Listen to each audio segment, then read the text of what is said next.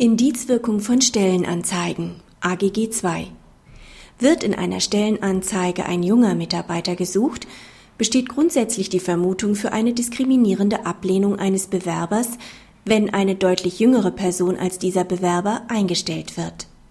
Der Arbeitgeber sucht mittels einer Stellenanzeige in der NJW einen jungen, engagierten Volljuristen, männlich-weiblich. Auf die Stelle bewirbt sich ein Anwalt, der bereits seit 20 Jahren umfassend im Zivil- und Wirtschaftsrecht tätig ist. Eingestellt wird dagegen eine 33-jährige Frau, deren Qualifikationen von denen des Bewerbers deutlich abweichen.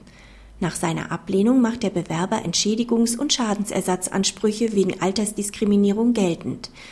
Das BAG hält den Entschädigungsanspruch für begründet, den Schadensersatzanspruch nicht.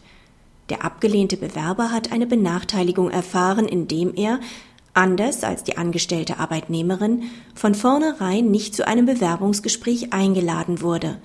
Es besteht die Vermutung, dass die mangelnde Einladung auf seinem relativ hohen Alter beruhte. Der Arbeitgeber hat in seiner Stellenanzeige ausdrücklich junge Juristen gesucht. Über diese Einschränkung werden solche Personen, die nicht mehr als jung anzusehen sind, von einer Besetzung der Stelle von vornherein ausgeschlossen. Unerheblich ist, dass der Begriff des jungen Bewerbers nicht eindeutig zu definieren ist, da im Streitfall zumindest tatsächlich ein erheblicher Altersunterschied zwischen abgelehnten und eingestelltem Bewerber besteht. Die eingetretene Vermutung einer Diskriminierung hat der Arbeitgeber nicht widerlegt. Daraus ergibt sich ein Anspruch auf Entschädigung nach 15 Absatz 2 AGG. Die Voraussetzungen eines Schadensersatzanspruchs nach 15 Absatz 1 AGG hat der Bewerber indes nicht dargetan. Dafür wäre erforderlich, dass der Anspruchsteller beweist, dass er die Stelle bei einer benachteiligungsfreien Auswahl tatsächlich erhalten hätte. Diesen Beweis vermochte der Bewerber im Streitfall trotz seiner deutlich besseren Qualifikationen nicht zu führen. Praxishinweis.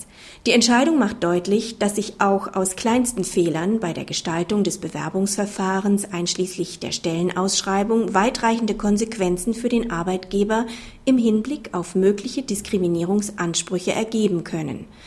Auch wenn die Rechtsprechung eine Vermutungswirkung von Statistiken generell ablehnt, werden dem Arbeitgeber in anderen Bereichen umso engere Fesseln angelegt, wenn es darum geht, tatsächliches Verhalten im Hinblick auf eine mögliche diskriminierende Wirkung zu bewerten. Besondere Beachtung verdient die Entscheidung auch im Hinblick auf die Ausführungen, die das BAG zur Höhe der Entschädigung und zu den Voraussetzungen des Schadensersatzanspruches macht